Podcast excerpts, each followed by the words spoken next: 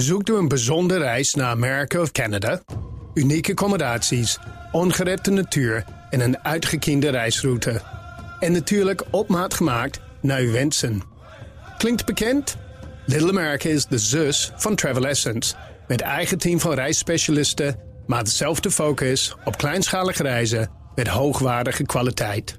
Kijk op littleamerica.nl van Thomas Piketty. We gaan het allemaal bespreken in het economenpanel... bestaande uit Luc Abe, hoofdeconoom bij Van Landschot Bankiers... Barbara Baarsma, directievoorzitter van de Rabobank in Amsterdam... en hoogleraar economie aan de Universiteit van Amsterdam... en Marieke Blom, hoofdeconoom bij ING Nederland. Mijn zakenpartner is Alexandra Jankovic, managing partner bij Spark Optimus. Welkom. Goedemiddag. Goedemiddag. Een nieuw boek van Thomas Piketty, 1136 pagina's. Ik heb dat nog niet gelezen. Wel een interview met hem in de Volkskrant afgelopen zaterdag. Mensen moeten niet kletsen, maar mensen moeten lezen. Wij gaan er wel over kletsen. Heeft er iemand het ook al helemaal gelezen? Nou, ik had het voorrecht om een PDF-versie alvast te krijgen, omdat ik bij de Wereld Draait Door uh, erover in gesprek ging met onder andere Jesse Klaver. En ik heb echt mijn best gedaan, maar uh, de inleiding alleen is al 62 pagina's. En ja, ik begin dat dan te lezen lezen als econoom en ik raak al snel verzand in uh, meningen, opinies, heel veel detail. En ik ga echt niet verder uh, ongelooflijk flauw doen over uh, dat. Want ik zie hoeveel aandacht hij aan de tekst heeft besteed. Alleen het is wel selectief winkelen ook uit onze geschiedenis. Dingen die hem uitkomen, die zijn argumentatie ondersteunen. En op een goed moment gaat je dat ergeren. En jij hebt ook de gelegenheid volgens mij om hem dat persoonlijk te gaan vertellen, toch? Dat ga ik donderdag doen, dat klopt. Want jij gaat met hem dineren? Ja. En wat, wordt dan, uh, wat staat er op het menu, zeg maar? Wat ik hem uh, zal Zuurkool. vertellen is dat ik. Nee, nee, nee, nee, nee. Altijd vrolijk, altijd vrolijk. Hij ook trouwens. Uh, nee, wat ik hem zal vertellen, dat ik denk dat, de, dat hij te veel nadruk legt op de verdeling van vermogen. Terwijl ik denk dat veel, wat veel belangrijker is, is de verdeling van um, inkomen uit arbeid. Dat is voor huishoudinkomens nog altijd veel en veel belangrijker. En als je daarnaar kijkt, dan kom je op dingen uit als dingen die kanskracht uh, in plaats van alleen maar die, vermogenskrachten beïnvloeden. En dat gaat bijvoorbeeld over de toegang tot onderwijs. Uh, gaat over uh, wat voor soort baan heb je, zeker aan de onderkant van de arbeidsmarkt. En ik had gehoopt dat daar veel meer nadruk op lag.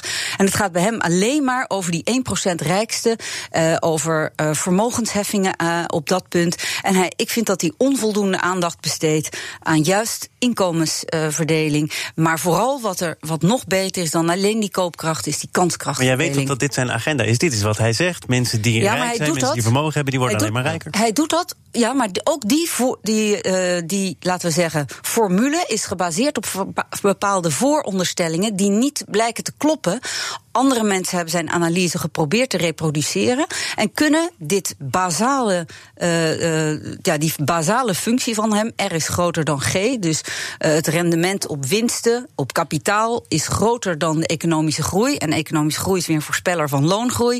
Dus wat hij eigenlijk zegt is, de winsten uit kapitaal, dat is ongeveer 5, 6 procent. En de winsten, of de groeivoet daarvan. En het loon, of de economische groei, is maar zo'n 1, 1,5, 2 procent. Dus ja, daar gaat ja. de kloof ontstaan.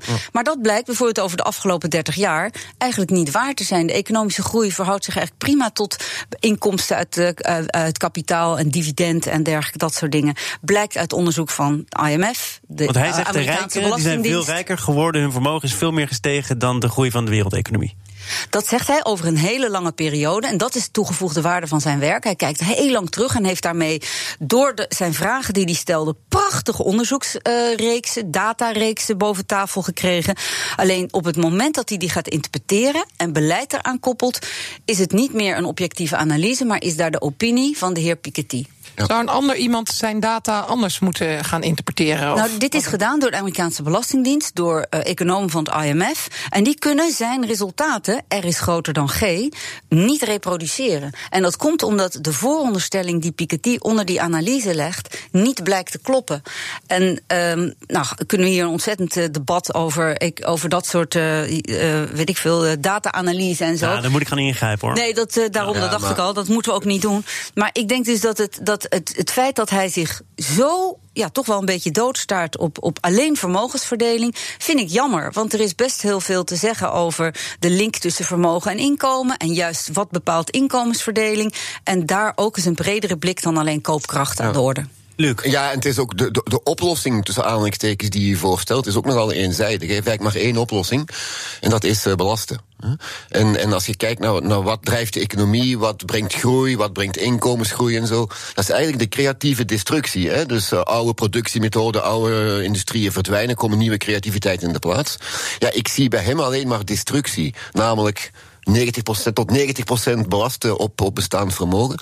Maar ik zie geen creativiteit. Nou, om met dat geld vervolgens iets anders te gaan doen natuurlijk. Ja, oké, maar daar zie, daar zie ik geen creativiteit, geen, geen, geen, geen ideeën om inderdaad naar nieuwe groei, naar nieuwe groei te gaan. Hè. En dat, dat, dat is een, een, een meer ja, fundamentele kritiek van ja, aan de basis, waar komt die groei vandaan? En dan kan je maar gaan herverdelen als je dat wil. Maar dat is eigenlijk een economisch besluit, dat is een politiek besluit, hè, hoe ver je daarin wil gaan. Wat ik altijd wel interessant vind als je dit soort discussies hoort, dat we dan in Nederland ook snel de neiging hebben om te denken dat dit ook over Nederland gaat. Maar hij heeft het natuurlijk over eigenlijk een paar hele rijke mensen. Dat hebben we natuurlijk in Nederland in verhouding veel minder. Maar dat gezegd hebbende, denk ik dat er op zich over vermogen ook in Nederland wel wat te zeggen valt. Wat je hier ziet, is dat met name de huizenmarkt een hele belangrijke drijver is onder hoeveel vermogen huishoudens hebben. En dat daar wel degelijk grote verschillen door kunnen ontstaan. Van een totaal andere schaal dan de schaal waar Piketty het over heeft. Want dat gaat over mensen die een huis hebben gekocht in de jaren zeventig en dat geleidelijk aan hebben afbetaald. En daarmee nu eigenlijk over heel veel vermogen beschikken. En dat dat veel meer is dan iemand die in diezelfde periode gewoon een huurhuis had. En die misschien eh, ja, wel een vergelijkbaar inkomen heeft gehad. Maar ik denk dat de orde veel, heel, heel anders is dan waar Piketty het over heeft. Vervolgens, als je het hier in Nederland. in, dit is wel in lijn met wat Piketty dan dus wel zegt. Ja, ja, wel degelijk. Dat je hier inderdaad ook grote vermogensverschillen krijgt. En ik denk dat dat inderdaad bijvoorbeeld op de huizenmarkt ook echt wel een verschil maakt. Wat je nu, nu gaat zien, dat zie je nu al, en dat krijg je in de komende jaren nog meer. Is dat jonge mensen die de huizenmarkt op willen, dat het enorm verschil uitmaakt of je ouders wel of niet een koopwoning hebben gekocht in die jaren zeventig. Of die je wel of niet geld mee kunnen geven. En dat dat wel degelijk staat voor een heel verschil in of je mee kan doen. En vervolgens of je dan ook weer zelf vermogen kan opbouwen. Dus dat daar in Nederland Nederland ook discussie over ontstaat. Dat begrijp ik wel. Alleen hebben we het dan over een totaal ander fenomeen, denk ik. Maar wel over kansen die je krijgt. Over heeft. ja, ja ik, denk, ik, denk, ik ben het wat dat betreft ook niet helemaal met Barbara Baarsma eens. Ik denk dat het wel degelijk invloed heeft op je kansen, wat er met je vermogen gebeurt. Dat denk ik ook. Alleen wat Piketty doet, is uh, bijvoorbeeld op de woningmarkt. Uh, dat is zeker een belangrijke component van de vermogensongelijkheid in Nederland. Al is daar een hele belangrijke ook pensioenvermogen. En als we die meenemen, dan is de vermogensongelijkheid alweer een stuk minder. En als we de opgebouwde de tegoeden in spaarhypotheken en beleggingshypotheken meenemen, is het ook alweer een stuk minder. En uh, is het zo dat in Nederland vooral voor midden in groepen dit een hele belangrijke vermogenscomponent is. En niet eens zozeer voor de rijkste. Dus in dat opzicht past, past het niet bij Piketty. Maar als je daar iets aan wil doen, moet je dat niet achteraf doen door allerlei uh, rare vermogensbelastingen uh, in te voeren. Maar moet je de woningmarkt beter laten werken. Je moet daar problemen oplossen waar ze ontstaan. Maar wat betreft Piketty nog even die hoogste inkomens. Hè. Ik vond dat Mark de Vos, dat is een Vlaamse mm -hmm. ja, slimme denker, laat ik hem zo maar noemen. die heeft ook heel veel over ongelijkheid nagedacht. Die had een mooi voorbeeld. Die zei: Kijk nou eens naar de Forbes 400. Dat zijn de aller, allerrijkste Amerikanen die er zijn. Daarvan is zo ongeveer 60% is eerste generatie ondernemer. Daar zit dus helemaal geen erfenis achter. Daar zit helemaal geen winst uit kapitaal achter. Daar zit uh, eigen ondernemerschap achter. Misschien ook wel lef. Creativiteit. En creativiteit, inderdaad. Disruptieve denken. Dus als je dat soort dingen, als je dat heel erg zwaar gaat belasten, denk ik dat je de motor van je economie uitzet. En dat is wat ik denk dat Piketty verkeerd inschat. Dat uh, hij hecht enorm aan herverdeling. Ik geloof ook enorm in herverdeling, vooral inkomensherverdeling. Alleen als je 90% vermogensrendementsheffing gaat opleggen, dan zorg je dat mensen of belasting gaan ontwijken, gaan verhuizen, of weet ik veel wat, soort, wat ze allemaal gaan doen. Maar dat je ook juist die creatieve, productiviteitsverhogende impulsen uit de economie neemt. En daarmee dus juist die pot waar je uit wil halen om te kunnen herverdelen, kleiner maakt. Is er trouwens iemand aan, aan deze kant van de tafel, niet de kant waar Barbara staat, die van plan is om het te gaan lezen? Nou, eerlijk gezegd, ik vind het aantal pagina's. Ik, ik probeer altijd uit respect voor mijn lezers toch teksten wat korter te houden. Ik denk, altijd, ik denk altijd van, nou ja, je moet er toch ook een beetje rekening mee houden, zeg maar, dat je je boodschap in zoveel probeert te verpakken dat, het, dat de ontvanger er ook wat mee kan. Dus nee, ik denk heel eerlijk gezegd dat het voor mij ook gewoon bij de samenvatting gaan gaat blijven. En weet je, kijk, hij heeft een punt gemaakt en zijn punt past ook heel goed in de tijdsgeest. En uh, ik denk dat als we dat zo'n punt in Nederland oppakken, ja, dan, dan raken we altijd een beetje in de war. Want dan denken wij dat wij een soort Amerika zijn. En dat zijn we nadrukkelijk niet. Maar hij past wel heel goed in een tijdsgeest. En overigens, de voorstellen waar hij dan vervolgens mee komt, dus bijvoorbeeld ook een hele hoge erfbelasting. Nou, dat is ook zoiets. Als je iets vreselijk impopulair zou willen doen in Nederland, dan is het de erfbelasting enorm verhogen. Dat is economisch gezien overigens enorm rationeel. Want dat betekent, ja, doodgaan doe je toch. Je verandert je, verandert je gedrag niet door zo'n belasting. Hè? Dus economen proberen altijd de belastingen zo te bedenken dat mensen hun gedrag zo min mogelijk gaan aanpassen. Nou, daar is die erfbelasting is een hele mooie van. En tenzij je denk, iets wil achterlaten voor je kinderen. Ja, maar je gaat er niet ineens uh, blijven leven. Je nee, ja, maar het, is, het, het, is misschien rationeel, maar het blijft een politieke beslissing ook. Hè. Ook opnieuw, hè, van hoeveel herverdeling wil je, hoeveel gelijkheid of ongelijkheid natuurlijk. wil je. Maar het is dus- overigens wel zo, hè, en ik denk dat dat wel een goed punt is over erfbelasting. Kijk, wat er gebeurt op het moment dat je een hoge erfbelasting uh, uh, hebt. Dat betekent dat mensen niet meer zo met een zeg maar, he, gouden lepel in de mond geboren worden. Of he, kunnen gaan leven. En dat dwingt ook wel weer om juist wel creatief te zijn. En wel ja, echt aan de slag te gaan. Dus wat dat betreft, er zijn ook wel argumenten om inderdaad te voorkomen dat het puur door overerving is. Dat mensen zo rijk aan hun leven beginnen. Maar, maar, iedereen uh, gaat hierover praten. Barbara gaat zelfs dineren. Er gaan parlementen misschien ook over praten. Hij zal wel weer onthaald worden als een superster, zoals bij zijn vorige boek. Gaat er iets van wat er in dat boek staat ook leiden tot maatregelen, tot beleid? Of is tot dit heden is dat niet het geval. Er is een analyse geweest waaruit blijkt dat het heeft geleid tot veel debat. En dat goed, hè? Ik denk dat als dat leidt tot betere geïnformeerde politieke besluiten, is dat goed. Maar uh, het heeft niet geleid uh, tot uh, het aannemen van zijn aanbevelingen. Hij heeft wel een beetje, moet ik zeggen, ook de, de modewind in de rug gehad. Want twee jaar voordat zijn eerste boek kwam, in 2012 kwam, um, hoe heet die, Stiglitz, die kwam ook met een boek, Price of Inequality. Eigenlijk hetzelfde soort onderzoek, maar iets genuanceerdere uh, conclusies. En twee jaar na Piketty kwam uh, Branko Milanovic uh, in 2016 ook met een boek over kapitalisme, die een hetzelfde soort onderzoek had, maar een genuanceerde conclusie. Namelijk sinds de jaren tachtig is de wereldwijde ongelijkheid enorm afgenomen.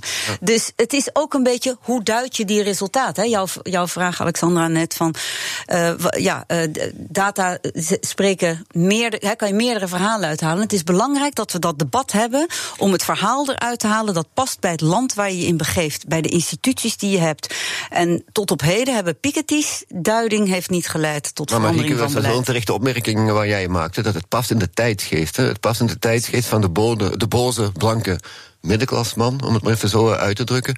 Dus ja, dat. dat uh, ja, maar, maar jij zegt ook dat Piketty zoveel aandacht krijgt omdat hij ongenuanceerder zijn punt mhm. maakt dan de andere voorbeelden die jij noemt, bijvoorbeeld Barbara. Ja, niet alleen ongenuanceerder, maar ook net in 2014 was kennelijk de tijd rijp voor dit, uh, voor hiervoor. Meer dan twee jaar eerder of twee jaar later. Terwijl die boeken op zich dezelfde analyse of dezelfde soort analyse bevatten. Um, denk ik dat de tijd er nu rijper voor is. Bijvoorbeeld ook voor die ideeën waar jij het net over had. Uh, dat je geeft jongeren van 25 jaar uh, 100.000 of 120.000 euro. Ja, voor 100.000 doen ze het niet hoor, 120. Nou, maar het is 65% van het gemiddeld vermogen in een land. In Nederland zou dat 100.000 zijn. In Frankrijk, waar dat vandaan komt, 120.000. Maar Allah, oh. ik denk, geef mensen niet, geef jongeren niet een zak geld. Precies om de redenen die Marieke net zei. Want uh, alleen een zak geld geven maakt je niet uh, creatiever, maakt je niet beter. maar maak er een lang leven het leren rekening van. Waarop een tegoed staat om je hele leven nog te leren. En dat wij dat nou 100.000 euro is nou een beetje veel van het goede. Maar uh, uiteindelijk vind ik dat een prima investering in onze jeugd. En dus ook in de toekomst van dit land.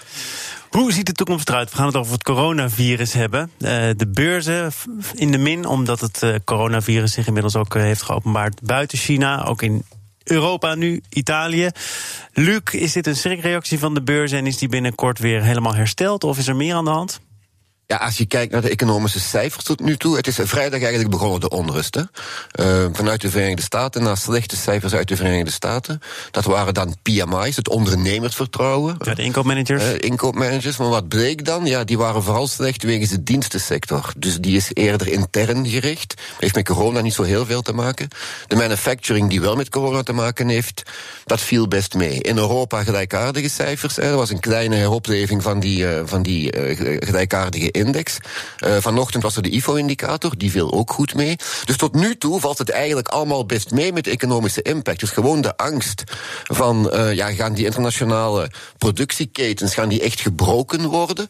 En dat weten we niet. En wellicht zijn de belangrijkste cijfers de komende dagen niet de economische cijfers, maar de verspreidingscijfers van het virus. Die je elke dag netjes kan opvolgen op de website van de Wereldhandelsorganisatie. Dat is het eerste wat ik nu s ochtends doe. Uh, kijken van hoeveel nieuwe gevallen zijn. En als die beginnen af en dat zie je lichtjes gebeuren, ja, dan kan het perfect zijn dat vandaag een gigantische aankoopgelegenheid was. Het is echt het eerste wat je doet? Dat, uh, ja, ja, bijna. Ja. Oh, uh, bijna. Ja, Um, goed. Um, en als die, als die uh, tegen eind deze week opnieuw 2000 besmettingen per dag geven, ja, dan gaan we nog wat, uh, gaan we nog wat moeilijkheden hebben. Dus het is eigenlijk totaal onvoorspelbaar. Dus ook heel moeilijk om nu op, uh, op te handelen. Maar je hebt het over die ketens die verbroken kunnen worden. Dat kan ja. ook echt gewoon gebeuren. Ja, dat, is al gebeuren, gebeuren wellicht. Ja, en, als dat, en als dat echt gebeurt, kan er van die beurs 10, 15 procent af. Ja. En als dat niet gebeurt, als die, die verspreidingscijfers, die nogmaals belangrijker zijn dan de economische cijfers de komende dagen, denk ik, ja, dan gaat dan gaat dit een ongelofelijke aankoopkans geweest zijn. Dus je kan daar als, als belegger dan, even vanuit mhm. die bril bekeken, kan je daar heel moeilijk op, uh, op handelen en op anticiperen. En wat betekent dit, Marieke, voor bedrijven die nu afhankelijk zijn van China, van de landen daaromheen? Gaan die dat heroverwegen? Kunnen die dat makkelijk heroverwegen? Ja, dat verschilt natuurlijk heel nadrukkelijk van de ene tot de andere keten. Hè. En voor sommigen geldt dat ze misschien inderdaad redelijk makkelijk over kunnen stappen naar een land als Vietnam bijvoorbeeld. Maar voor anderen geldt ja, de, de, de omvang, de schaal die de Chinese makers hebben, die is dan zo enorm dat ze dat inderdaad niet zomaar kunnen doen. Dus ik denk dat het, ja, het is echt. Je zult zien dat ieder bedrijf is, is helemaal weer zijn toeleveranciersketen aan het doornemen en aan het kijken of ze daar aanpassingen op kunnen vinden. We hebben heel praktisch hier in Nederland de Action gezien. Die zei van nou ja, wij gaan maar weer even kijken door wie we toegeleverd worden. En kijken of we daar alternatieven voor kunnen vinden. Uh, dus ja, dat, dat kan op die manier merkbaar zijn. Gaat het nou zelfs bij de action duurder worden? Dat kan niet de bedoeling zijn. Nou ja, maar dat is natuurlijk een van de gekke dingen van deze uh, ontwikkeling. Dat je aan de, andere, aan de ene kant zie je sectoren, dus bijvoorbeeld olieprijzen dalen. Ja. En dat betekent dat voor sommige sectoren zal gelden dat hun inkoopkosten omlaag gaan. En voor andere sectoren zul je zien dat het aanbod minder wordt. En daar kunnen de prijzen dan vervolgens weer gaan stijgen. Dus dat maakt het ook zo moeilijk om, om hier een voorspelling op te zetten. En naast wat Luc daarnet zegt, van ja, je moet gewoon iedere dag weer kijken hoe de ontwikkeling is van het virus. Is het ook nog een keer zo dat de kanalen heel verschillend zijn per sector uh, van elkaar kunnen verschillen. En dus is het uh, uiterst moeilijk. Het is ook heel moeilijk, want de, het gesprek daar straks ging over de autosector, heb ik, uh, heb ik gehoord. Waarin Vietnam ook werd vernoemd van, ja, kijk, daar gaat er alternatieven gezocht worden. Maar ook die regio, Vietnam, Zuid-Korea, Japan, zijn ook allemaal verdacht op dit moment. Dus ja, ook daar is het niet zo evident. Trouwens, op iets langere termijn vind ik het wel een interessante vraag. Ja, gaat dat de deglobalisering, die sowieso onder druk staat, die globalisering vanuit politieke hoek, of productie die terug naar hier wordt gehaald om ja, om hier terug te maken met 3D-printing of zo. Adidas print in Duitsland sneakers. Ja. Wat vroeger, die vroeger in China gemaakt werden. Gaat dit corona-verhaal een nieuwe, een nieuwe klap of een nieuw klapje zijn op iets langere termijn voor die globalisering. Het is, weer, het is in ieder geval weer een extra reden een extra argument, om, dit, om dit te overwegen. Nou moet ik zeggen, dit is natuurlijk wel een heel incidentele ontwikkeling. Wat ik ook spannend vind, is wat betekent dit nu eigenlijk voor China? Ik bedoel, je ziet in China heel duidelijk dat de, ja, de regering heeft echt moeite om dit op een goede manier te beheersen. Ze moeten steeds aangeven van nou ja, zijn we er nou uh, alert genoeg op geweest? Je ziet ook binnen China de reactie van ja, luister, dan gaan we maar weer via ofwel het monetaire kanaal, ofwel via het budgettaire kanaal onze economie maar weer proberen aan te zwengelen. Oude recept. Ja, het oude recept. En dat is, hè, zeg maar, daar blijven ze maar mee doorgaan. En het is natuurlijk een land waar gewoon een groot aantal bedrijven zit, waarvan we weten dat ze er niet erg goed voor staan. Nou, je normaal gesproken zou je zeggen, hè, in een markteconomie, ja, lastige omstandigheden, die gaan dan kopje onder. Maar in China willen ze ten koste wat het kost voorkomen dat dat gebeurt. Maar het, het maakt hun positie wel zwakker daarin. En uh, ja, ook in de handelsoorlog, ja, je kunt je voorstellen dat, daar, dat ze daar ook een minder sterke positie door krijgen. Maar die, die stimuleringsmaatregelen die helpen natuurlijk niet nu. Hè. bedoel, je rente verlagen of uh, de begroting uh, wat, wat oprekken. Ja, daardoor gaan de Chinezen niet naar de, naar de bioscoop nee, gaan. Nee, nee, nee. Zolang die quarantainemaatregelen dus gelden, heb je daar bar dus weinig aan de lage rente. Het, het, het ja. Barbara, jij houdt de gepaste afstand tot het coronavirus. In ieder geval in dit panel. Je bent er wel klaar mee? Nou, nee, ik ben er niet klaar mee. Het is natuurlijk ongelooflijk belangrijk voor, voor de wereldeconomie en ook op de beurzen. Maar ik denk, er is al zoveel over gezegd. Ik was hier twee weken geleden en toen heb ik er al over gesproken. Dus ik dacht, weet je wat, deze passeer ik even. Waar wil je het wel over hebben? Je hebt een vlammend opiniestuk oh, geschreven, oh, nee, dit, Bij, bij uh, dit afgelopen donderdag kwam er een bericht uit van het CBS. En ik vind CBS is echt fantastisch. Hè? Is, onze, is de feitenleverancier van Nederland. En uh, dit keer was de kop boven het stuk. Meer dan de helft werkt deeltijd. Nou, denk je, hé, hey, daar word je vrolijk van. Dus je gaat verder lezen. En dan uh, is zijn, worden in dat stuk eigenlijk alleen maar onopvallende conclusies genoemd. Dus de media neemt het ook helemaal niet over, uh, dit bericht. Ik heb het eigenlijk vrijwel nergens terug zien komen. Maar ik ben in de dataset. En, Waarom is het trouwens sowieso iets, ja. iets om vrolijk van te worden dat heel veel mensen deeltijd werken? Nou, uh, nee, de, sorry, de meerderheid werkt voltijd. Ik ja, ja, precies. Me. De meerderheid, ja. overigens is dat een krappe, uh, net krap. boven de 50 procent. Maar, maar ik ben toen in die dataset, ik laat even zien hier, ik heb hem eruit getrokken. ze heeft hem. En, uh, en ik ben toen gaan kijken en ik ben me een hoedje geschrokken. Want kijken we naar vrouwen, dan kan je nog denken dat die zijn ook meer voltijd gaan werken tussen 2003 en tussen 2019. Maar dat geldt eigenlijk alleen voor vrouwelijke zelfstandigen. Die zijn inderdaad meer voltijd gaan werken die zijn meer voltijd gaan werken, namelijk van 34,2% naar 40,5% Dus dat is echt wel een forse toename. De grens ligt bij 35 uur trouwens in dit ja, onderzoek. Ja, en, en zij werken gemiddeld uh, nu 30 uur.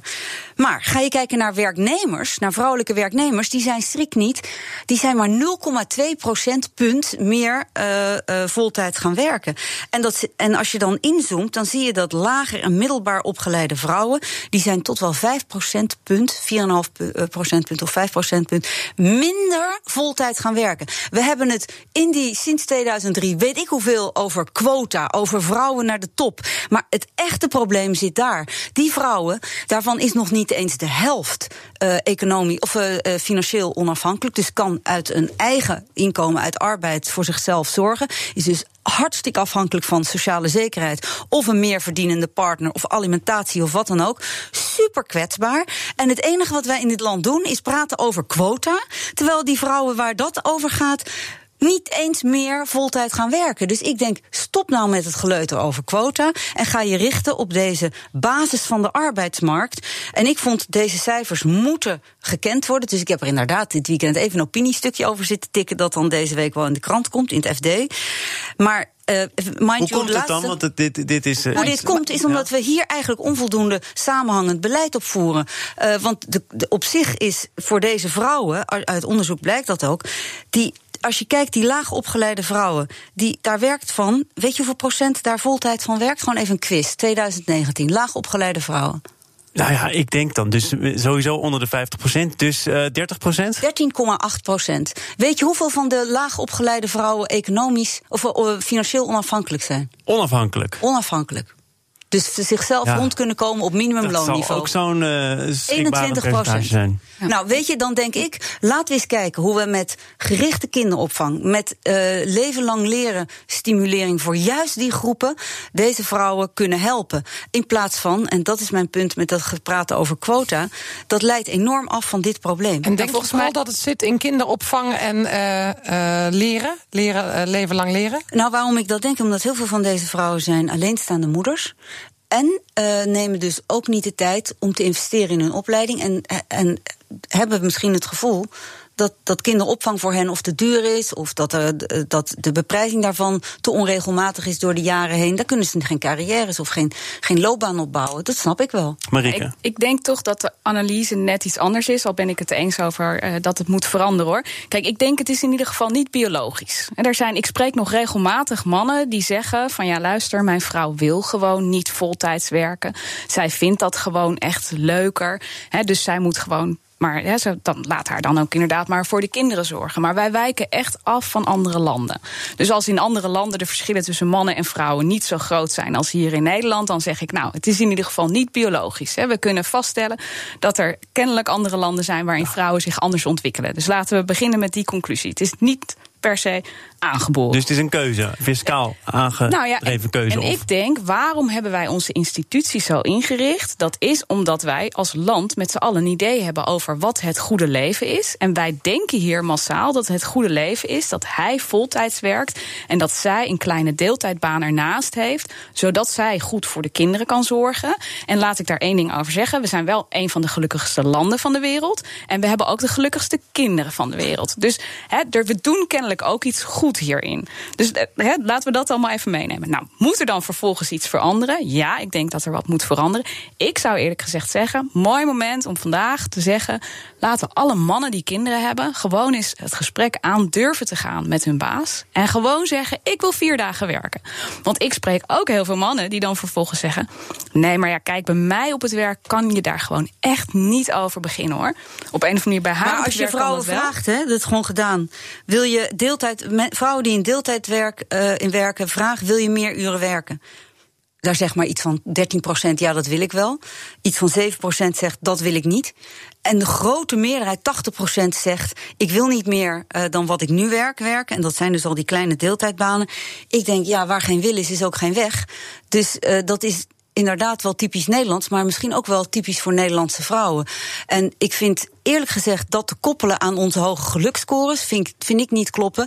Want de grootste geluksmaker, in, eh, voor, oh, het geldt over de hele wereld, maar zeker ook in West-Europa, is regie over je eigen leven. En wat geeft je meer regie over je eigen leven dan een loopbaan met een inkomen, waardoor je niet afhankelijk bent van een meerverdienende partner of de overheid? Ik ben de regie al een tijdje kwijt, maar Luc. Nee, maar ik kan, ik kan zeggen, nee, als je, als je dan oplossingen gaat zoeken, moet je wel een onderscheid maken tussen één, de lage geschooldheid en twee, de culturele aspecten die dan maken dat het uh, loopt zoals het loopt, blijkbaar. Ik denk dat dat heel uh, relevant kan zijn. Ja, maar woorden.